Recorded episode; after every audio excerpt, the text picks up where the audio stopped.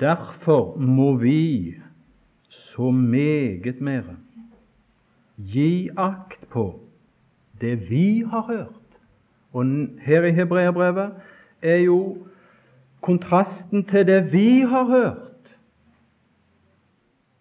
Det de hadde hørt i en forbigangen tid, gjennom uh, først og fremst det store Guds vitne som Gud talte til på jorden.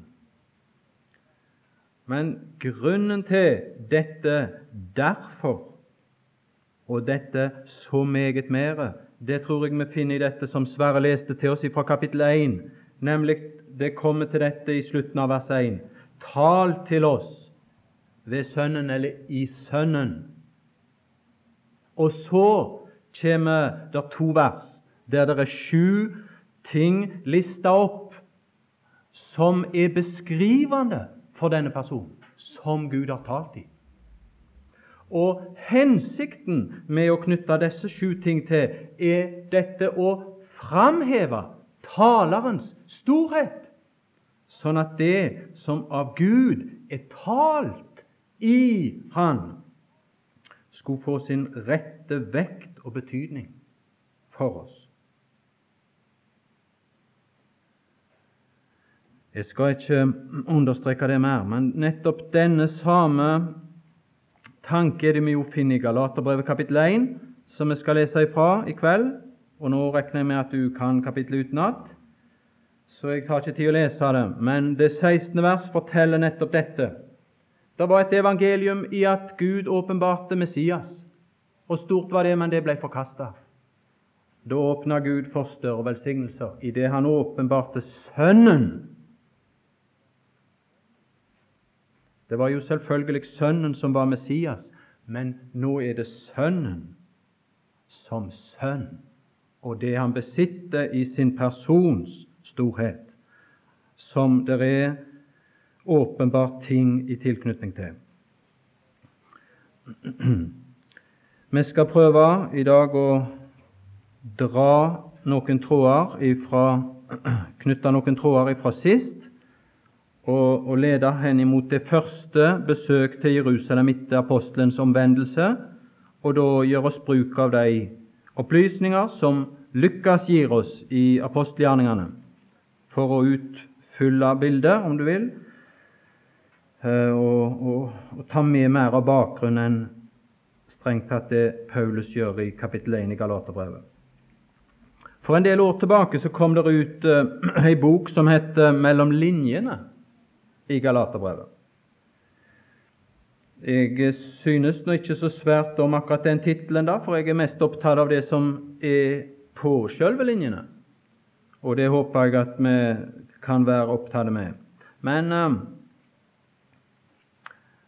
når Enok for en tid tilbake spurte meg om uh, jeg kunne tenke meg å ha et møte opp på første dagen i mai, ikke bare på søndagen, så begynte jeg å lese litt mellom linjene. Og jeg leste det, men du er aldri sikker når du leser mellom linjene, for det er jo mer sånne slutninger, og de kan være mer eller mindre korrekte. Men jeg dro nå den slutningen og leste det mellom linjene, at han syntes det gikk litt tregt framover, dette her, så han ville hjelpe på.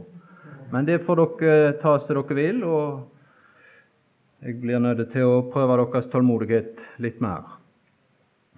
Men uh, her i disse ting rundt Paulus' omvendelse der utenfor Damaskus er det knytta til så grunnleggende, viktige ting som jeg synes det vel verdt for oss å bruke litt tid på å trenge oss inn i. Jeg trenger det for min del. Å dvele ved disse, ikke bare lese så hastig videre, men om, om det kunne trenge seg inn i mitt sinn noe av dette himmelske lys som her strålte rundt apostelen og inn i apostelen, og som har kommet til oss ut av apostelens munn og skrifter, og som jeg og du kan tilegne oss. Lukas har jo gitt oss en beskrivelse i det niende kapittel, og det er den vi har holdt oss til hovedsakelig da. Men denne hendelse er der I apostelgjerningene vi har to kapitler nær sagt, i tillegg, nemlig det 22. og 26., der vi får av apostelen Paulus egen munn gjengitt denne hendelse, og det han der opplevde. Så, så om vi skulle gjenta den to-tre ganger, så kunne nå det bare være i pakt med slik Skriften sjøl har gjort det, og det i ett og samme Skrift. Og da kan vi kanskje være berettiget til det. Han sier jo apostelen at denne hendelse var et forbilde når han ble omvendt på denne måten. Så ser han i 1. Timoteus brev, skal ikke lese det nå, men der han sier dette, at hele Guds langmodighet ble framvist til et forbilde i denne hendelse på og for de som skulle tro på ham til evig liv. Så, så den nåde som er framvist, og den miskunn som er framvist i sjølve Paulus' omvendelse, den er det et forbilde i. For oss altså å lese noe ut av. Og så sier jo denne samme mann at etterfølg meg, eller bli mine etterfølgere, like som jeg etterfølger Kristus. Så sjølve hans omvendelse og ethvert steg ifra hans omvendelse har en tale til oss som vi i høyeste grad bør, bør legge oss på hjertet og på sinnet. Altså der i Galaterbrevet kapittel 1, der var det dette apostelen søker å få fram. Det har vi sagt tidligere, at han har mottatt sitt budskap direkte gjennom denne åpenbarelse. Og så drar han bevis for å nær sagt vektlegge dette, for det er dratt i tvil.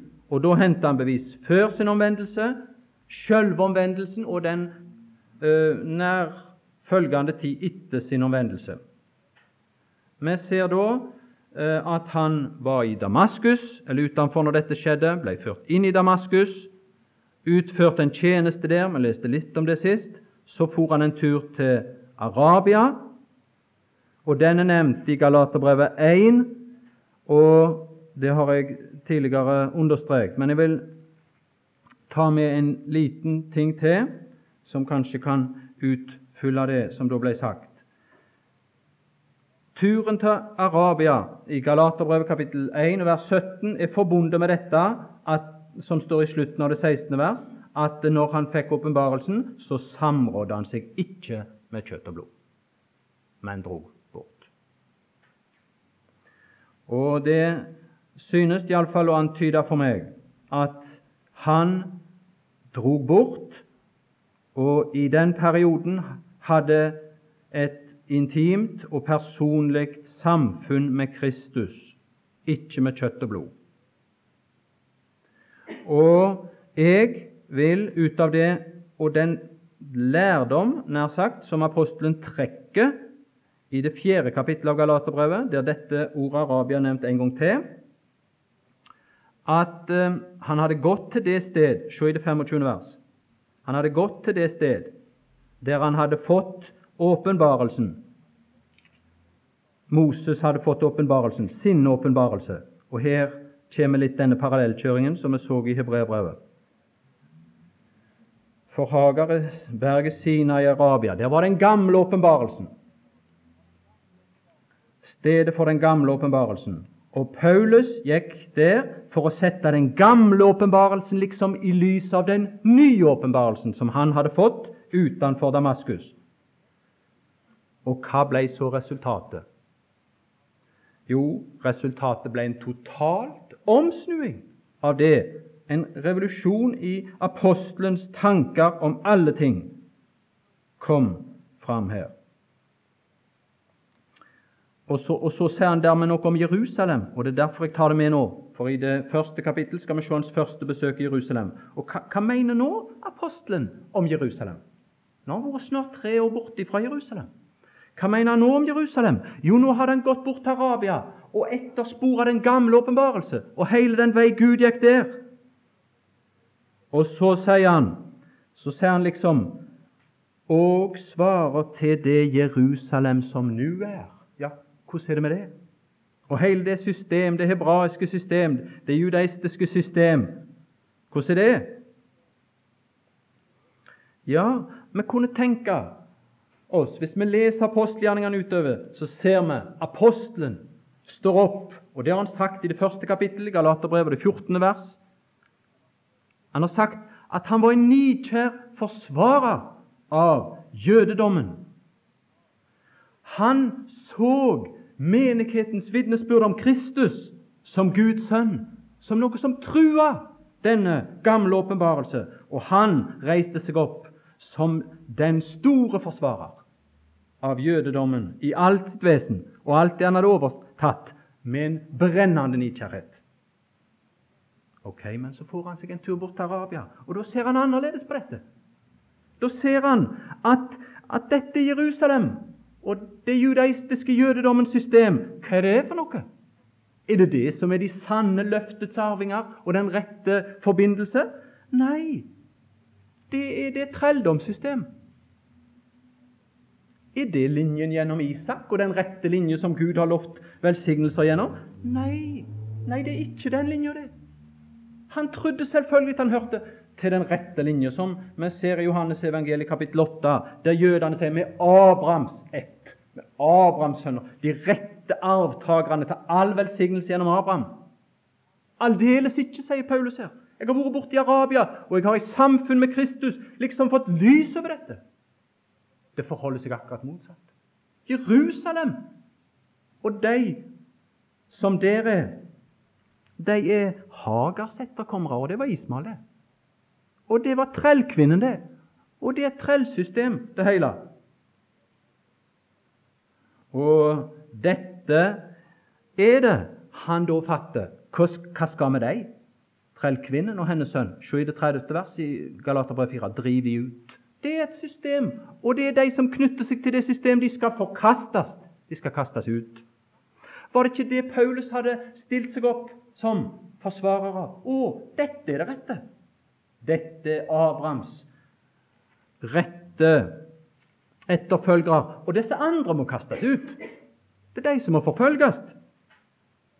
Det er de som må drives ut. Nei, nå så han det. Nå forsto han det. Nå hadde han fått lys nå hadde han stilt den gamle åpenbarelse i lys av den nye åpenbarelse. Og så hadde han fått lys over tingene. Og så visste han hva Jerusalem var, som et system og som et sentrum for dette. Altså, han hadde opplevd seg, sånn som han beskriver seg her i kapittel 1 vers 14, som den som mer enn mange jevnaldrende var nikjær for disse tingene, som en Ismael. Som en Ismael. Se i Første Mosebok kapittel 16 og vers 12 hvordan Ismael beskrives. Og han var en Ismael nummer én, Paulus, inntil sin omvendelse. Første Mosebok 16, 12, og det om Ismael er sagt, og han skal bli et villasen av et menneske. Og du kan lese litt om villasen i Skriften, så vil du se at det er det som ikke lar seg temme. Og her var det en som ikke lot seg temme, som var vill i sin iver. Se hva det betydde at han beskrevs på denne måten. Hans hånd skal være mot alle. Ja, ja det, var, det var slik han opptrådte. Alle. Men Gud temmer han der utenfor, utenfor uh, Damaskus. Og du, det var et annet sinn i mannen når han kom inn i Jerusalem. En liten tanke til der fra Galaterbrev 4.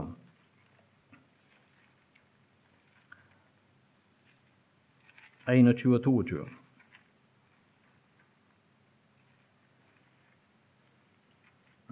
Der sier han For nå skal han, nå skal han eh, tale til disse her som så aldeles gjerne ville tilbake til det der. Si meg Altså I, i det 20. vers så, så, så, liksom du føler at apostelens hjerte vrenger seg litt i vonde. Hva er det dere tenker på? liksom? Si meg, dere som vil være under loven. Hører dere ikke loven? Hvordan var det med Paulus før? Du kan lese de apostelgjerningene, vi behøver ikke ta kanskje tid til å, å lese alle disse fakta, men klart ligger det i dagen der at Paulus var en som var opplært. Og Han var opplært ved Gamalies føtter, og Gamalies sies å være en lovlærer. en av store dimensjoner innenfor jødedommen. Og her var Paulus opplært. Han hadde lært Skriften, og han hadde lest om Ismael og Isak, og han visste selvfølgelig hva slags side han var på. Inntil han fikk alle sine tanker om dette snudd opp ned. Altså dere som vil være under loven, og det var Paulus' stilling før han ble omvendt. Hører dere ikke loven? Å, hvordan tror du det må ha vært for Paulus når han ble slått ned der utenfor Damaskus?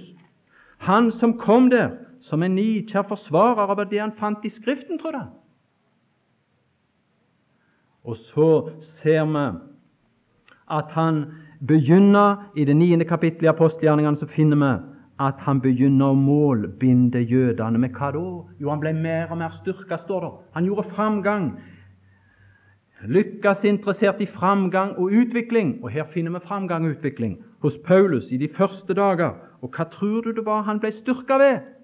Skriftens ord ser vi senere i apostelgjerningene var det utgangspunkt som han alltid målbandt, beviste nok ut ifra.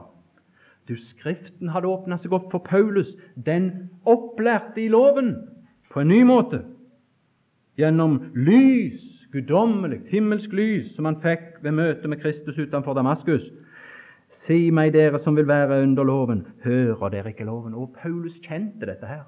Han kjente til dette her. Han hadde hatt et før, og han begynte å se tingene på en annen måte etterpå. Galaterbrev 4,22. Det er jo skrevet. Det var ut av dette han hadde lært og sett og forstått og hørt loven. Og lært leksa. Og så var han så var han av et annet sinn. Du ser at det var noen i det fjerde kapittelet i apostelgjerningene som sies, det sies noe om. Apostelgjerningene 4, 13. Men da de Og dette var folk i rådet, dette var de oppløst, opplyste, de lærde i skrift, i skriftlærdom, som så Peter og Johannes' frimodighet og fikk vite at de var ulærde og legemenn. Det betydde de var ikke opplært i dette som Paulus var opplært i. Denne form for lærdom hadde de ikke, disse, men de lærte frimodig allikevel. Og så var det en som besatt det, som det måtte brytes ned oss.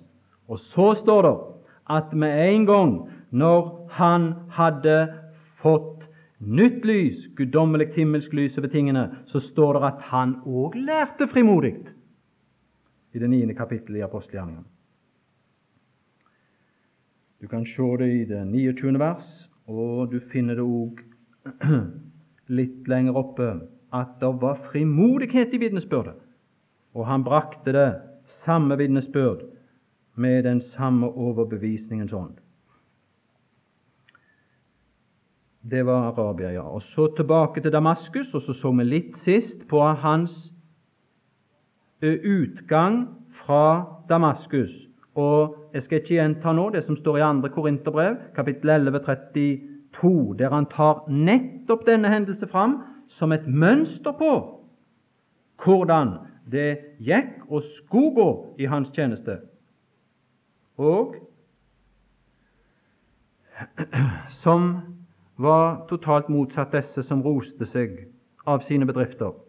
Paulus tok da fram det som ikke sånn rent menneskelig sett gav han noe fortrinn, noe ære, noe opphøyelse og den slags, men han tar fram sin svakhet. Sin svakhet. Jeg vil legge til noe der, uten å igjen ta opp det i 2. Korinterbrev 11. Altså med dette ordet til han ifra himmelen. Saul, Saul, hvorfor forfølger du meg? Denne doble form er verd å merke seg. Lukas har tre ganger en slik dobbel tiltale fra den Herre Jesu munn. Første gang er Lukas 10, når han sier 'Martha, Martha'. kunne sagt det en gang, og jeg tror ikke han sløste med ord, den Herre Jesus. Det var en spesiell lærdom og han la vekt på det. Og så ser han til Simon i det 22. kapittelet i Lukas evangeliet. Simon, Simon. Og så er det her denne doble Saul, Saul, hvorfor forfølger du meg? Paulus forsto at det var fra Gud, det var et budskap fra Gud. Det skjønner vi av sammenhengen her. Og han kunne jo undre seg, for at dette var en åpenbarelse fra Gud, det var klart. Røsten var fra himmelen, lyset var fra himmelen. Og i tillegg så ser vi av det som nevnes her, at han så den som talte med ham.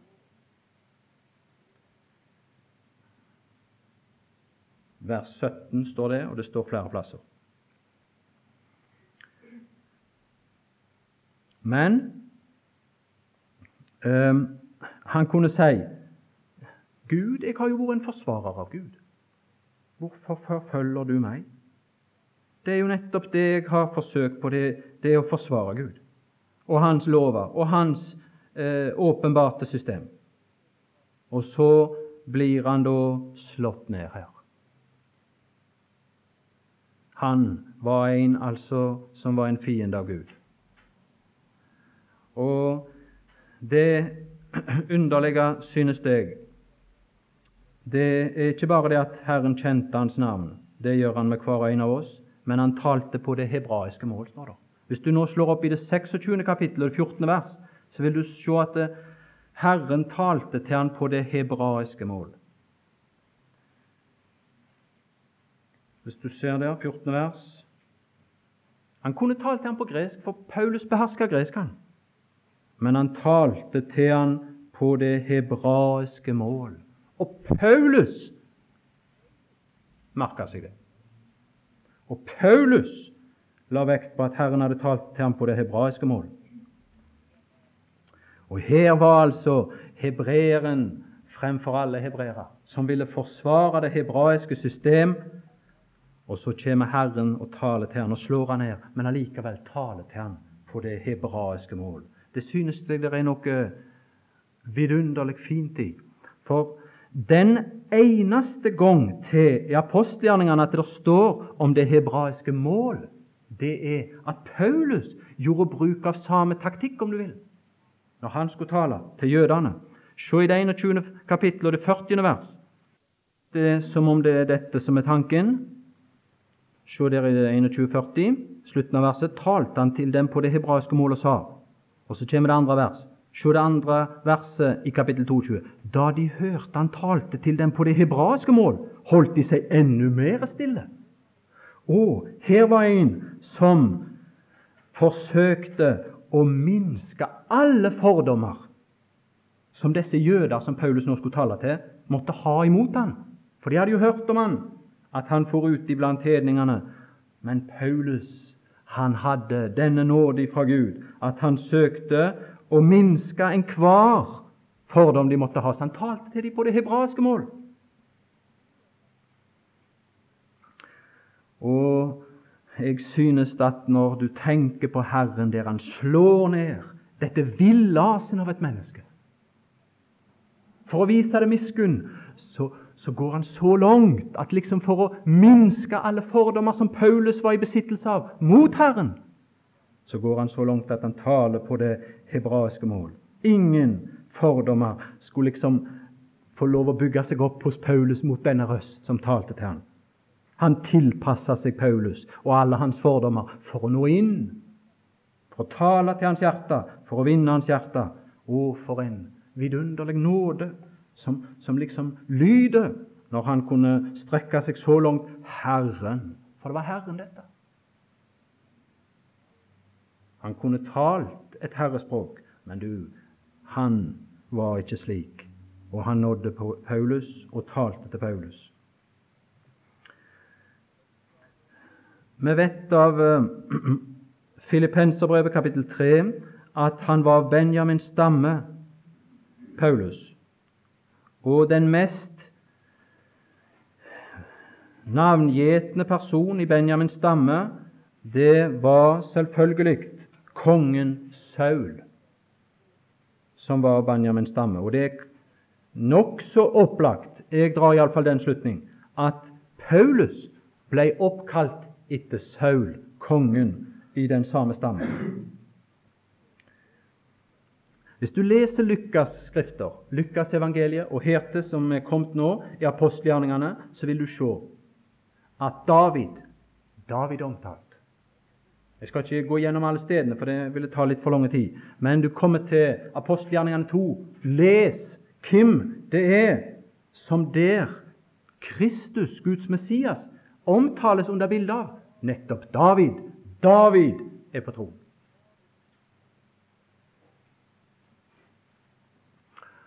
Og så kommer liksom David, og så sier han til ham, Saul, Saul, hvorfor forfølger du meg?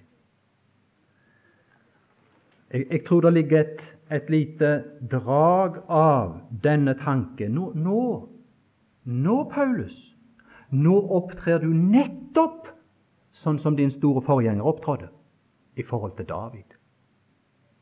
Nå, nå er det du som er arvingen til den innstilling som Saul viste for Guds salve. Saul, Saul, hva du holder på med? Og Grunnen til at jeg leser akkurat det, er fordi det står noe i første Samuels bok. Hvis du vil slå opp første Samuels bok 19. Og Vi ser der i det tolvte vers, uten at vi tar lengre tid for å referere sammenhengen. Men dette er et betydningsfullt vendepunkt i Davids liv. Og i det tilsvarende betydningsfulle vendepunkt i Paulus liv, så skjer det samme. Se der i det tolvte vers. Og Mikael firte David ned gjennom vinduet, og han flyktet sin vei og slapp bort. Hvem var det som var han? Hvis du ser sammenhengen, så vil du se Saul var han. Saul hadde sendt menn rundt huset for å, eller rundt stedet for å omringe han, for å innta han, for å hindre han i å flykte bort og for å drepe han. Men med denne flukt denne gang så begynner David sin flukt for Saul og de lidelser som det medførte. Og nå er altså Paulus slått ned som Saulus, som Saul.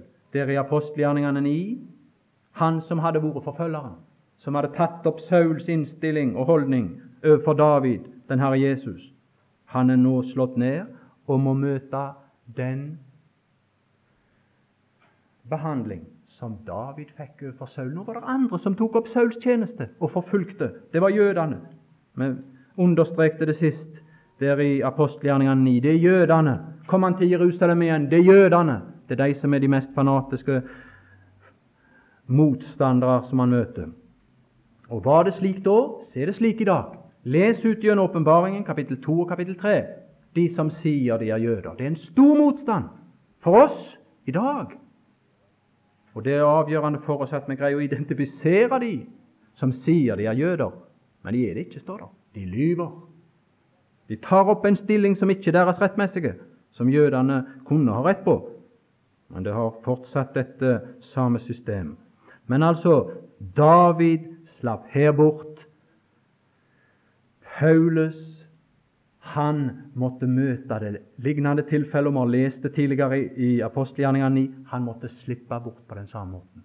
Nå skal altså Paulus bli den forfulgte, den som bare må vente med det vente på det, i sin oppdragelse til han en dag skal innta kongeplassen og herskerstillingen.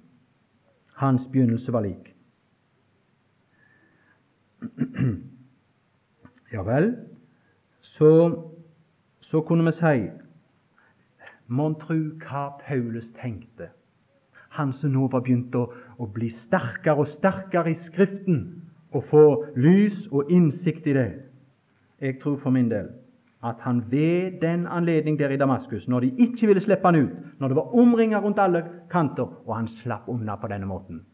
Og det var ved begynnelsen av sin gang, når han nå begynte på sin lidelsesvei. Så tror jeg han tenkte tilbake på Salme 59. Vil du slå opp den?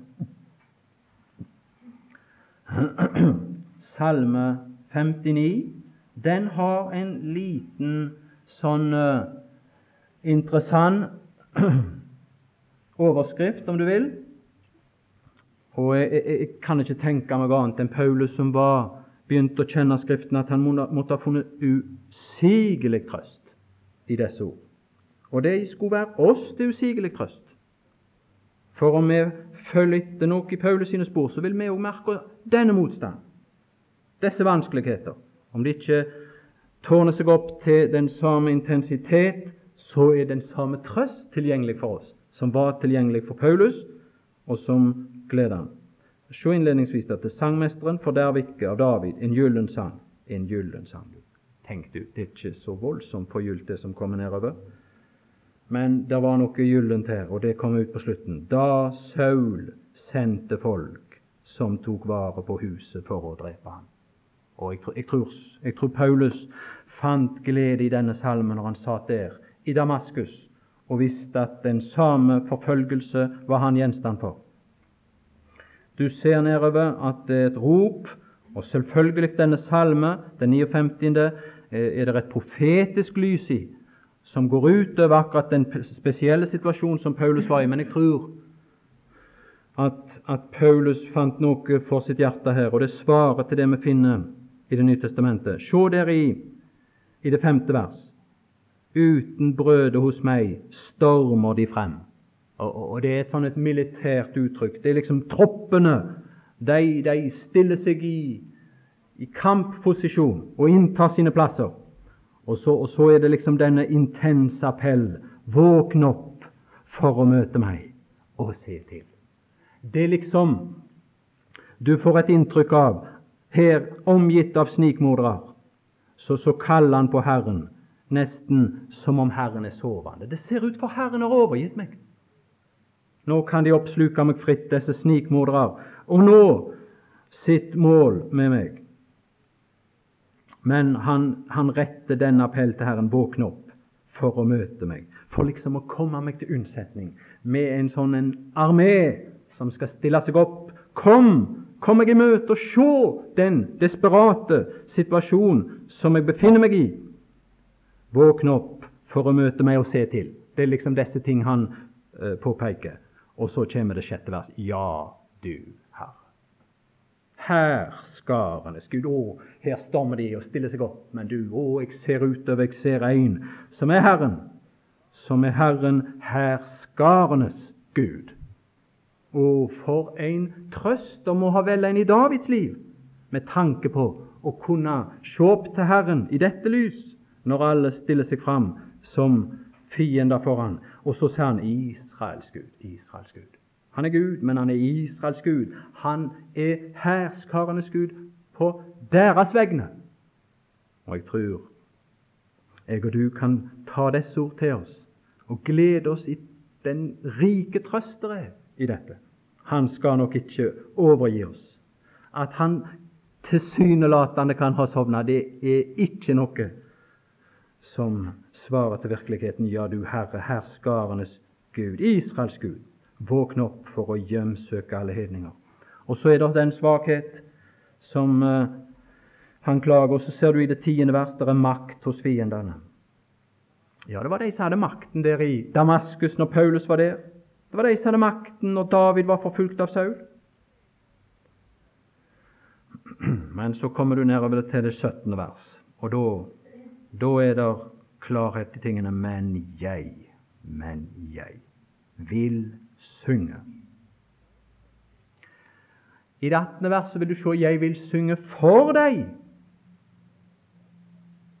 Men her i det 17. verset ser du at han ikke bare vil det, men han vil også synge til deg. Jeg vil synge om din styrke. Han retter seg direkte til Herren. Og jeg vil juble om morgenen over din miskunnhet, at din styrke er kobla til miskunnhet hos deg, for da går det utover meg, så du med din hær beskytter meg, for du er min borg. Det er det han finner i Herren da. Og min tilflukt den dag jeg er i nød. Min styrke, for deg vil jeg synge, for Gud er min borg, min miskunnhetsgud.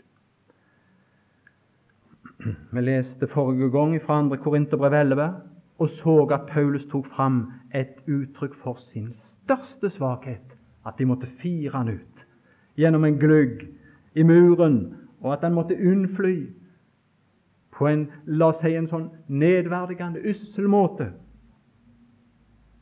Men så står det i det tolvte kapittel at ok, svakhet er her, men jeg vil rose meg av min svakhet. For min svakhet knytter meg til din styrke. Og det er min glede og min trøst òg i alle disse forhold som jeg og du går igjennom. Svakhet er her, men svakheten skulle lede til dette som det leder til i Paulus' sitt tilfelle. At en klynger seg med enn større iver til Herren og til Kristi kraft, at den kunne bo i meg.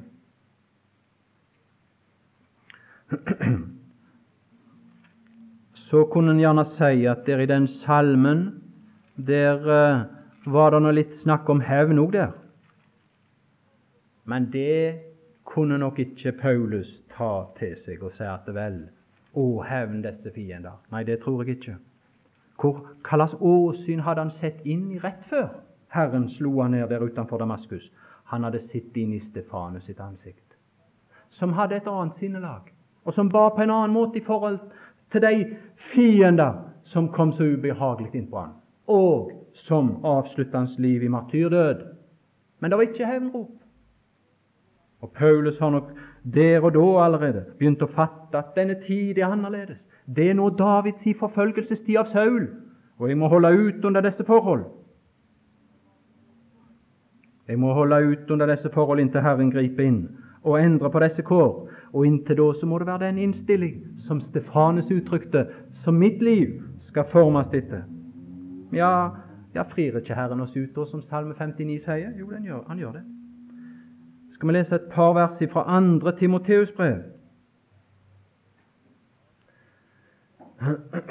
Andre Timoteus brev, og jeg tror vi skal bli enige om det, at dette vel er det siste er fra Paulus hånd, der han sitter i fengsel og venter på at hans dødsdom skal eksekveres.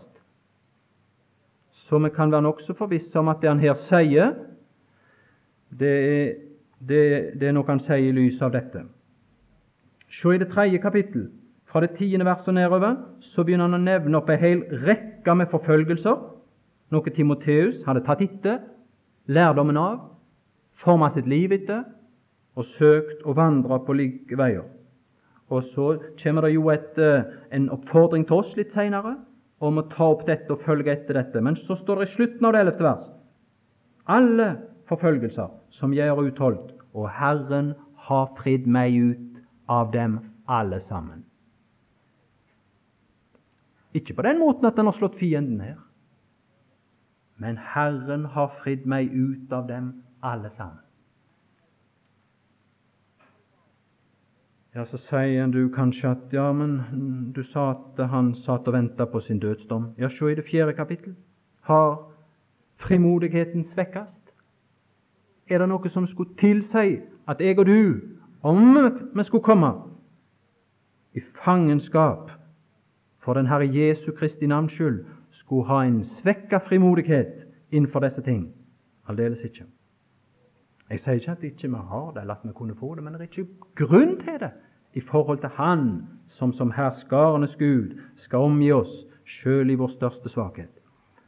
Andre Tim 4, 17, Men Herren sto hos meg og styrket meg for at forkynnelsen skulle fullbyrdes ved meg, og alle folk skulle få høre den, og jeg ble fridd ut av løvenskap. Ja, han måtte møte der.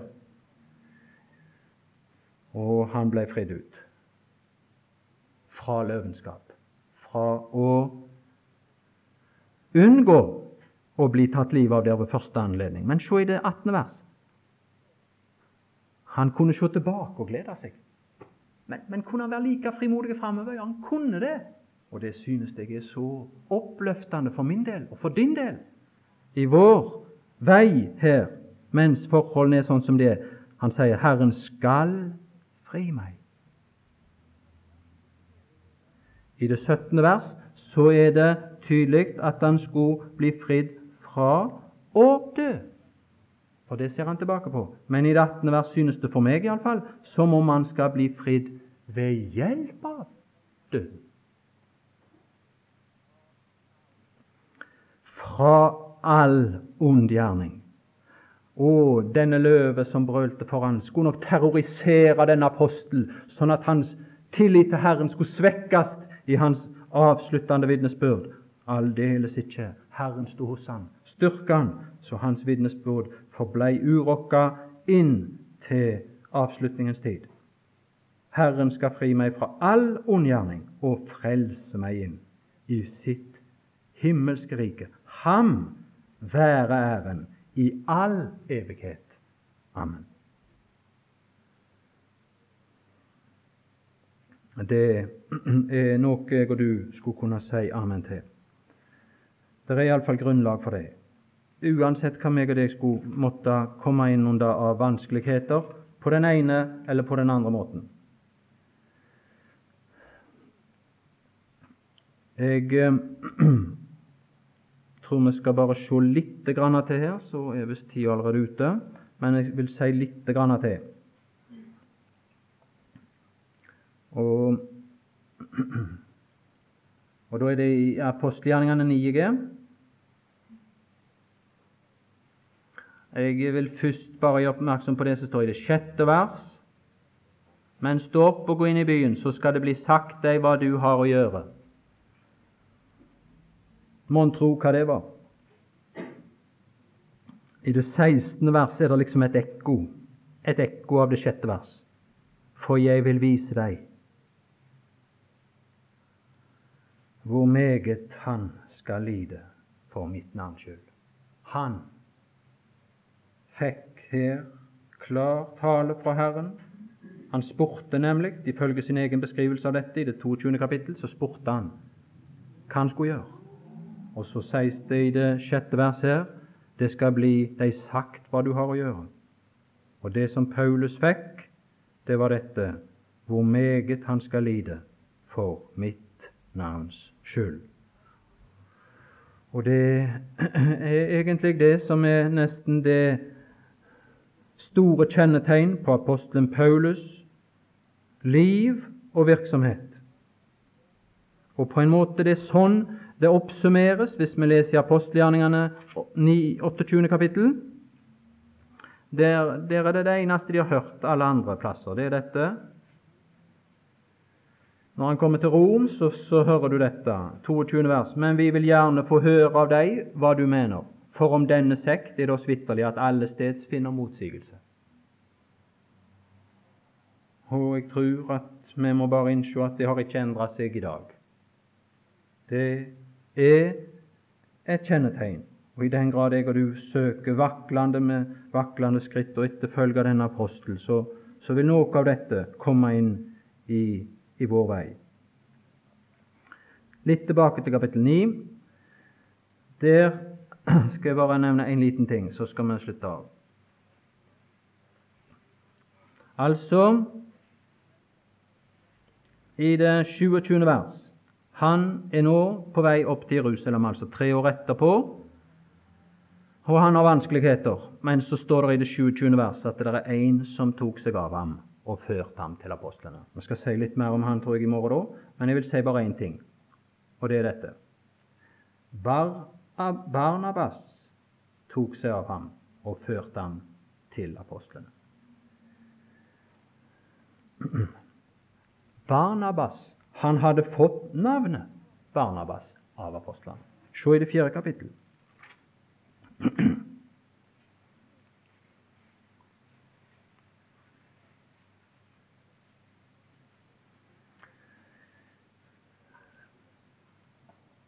Der står det i den 36. vers og Josef, som av apostlene hadde fått tilnavnet Barnabas, tilnavnet Barnabas.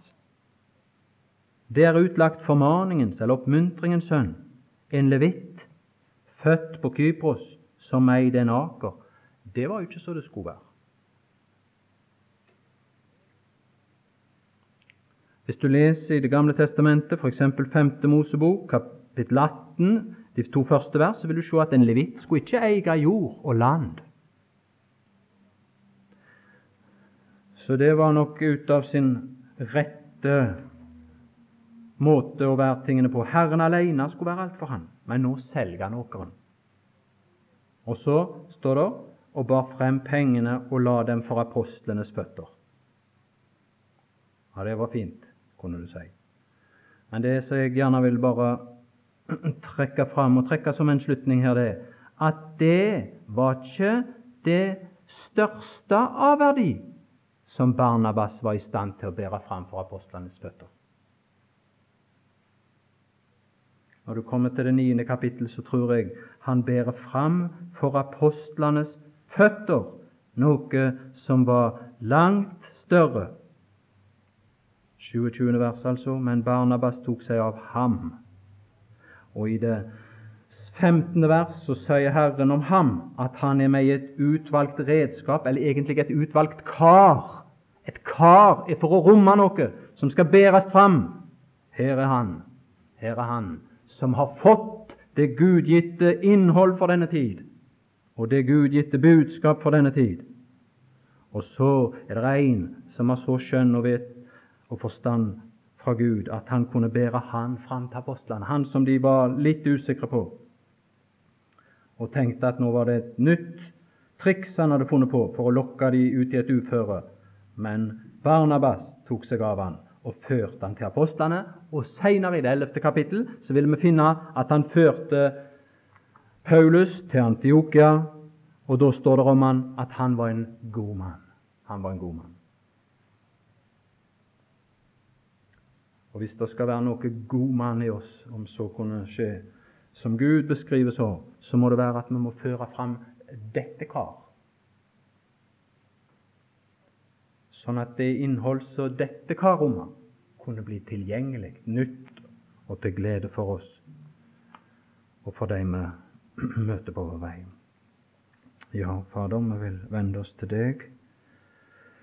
Og tankene våre har kanskje vært noe spredte, men, men eh, vi ber om at du ved Den hellige ånd mer og mer kunne istandsette oss til å trenge oss inn i disse hellige vidunderlige ting, og at vi kunne få tak i de mer for vår private del, og omsette de i praksis i vårt liv, sånn at vi på en eller annen måte mer styrka kunne etterfølge din apostel med vår tro, med vår forsett.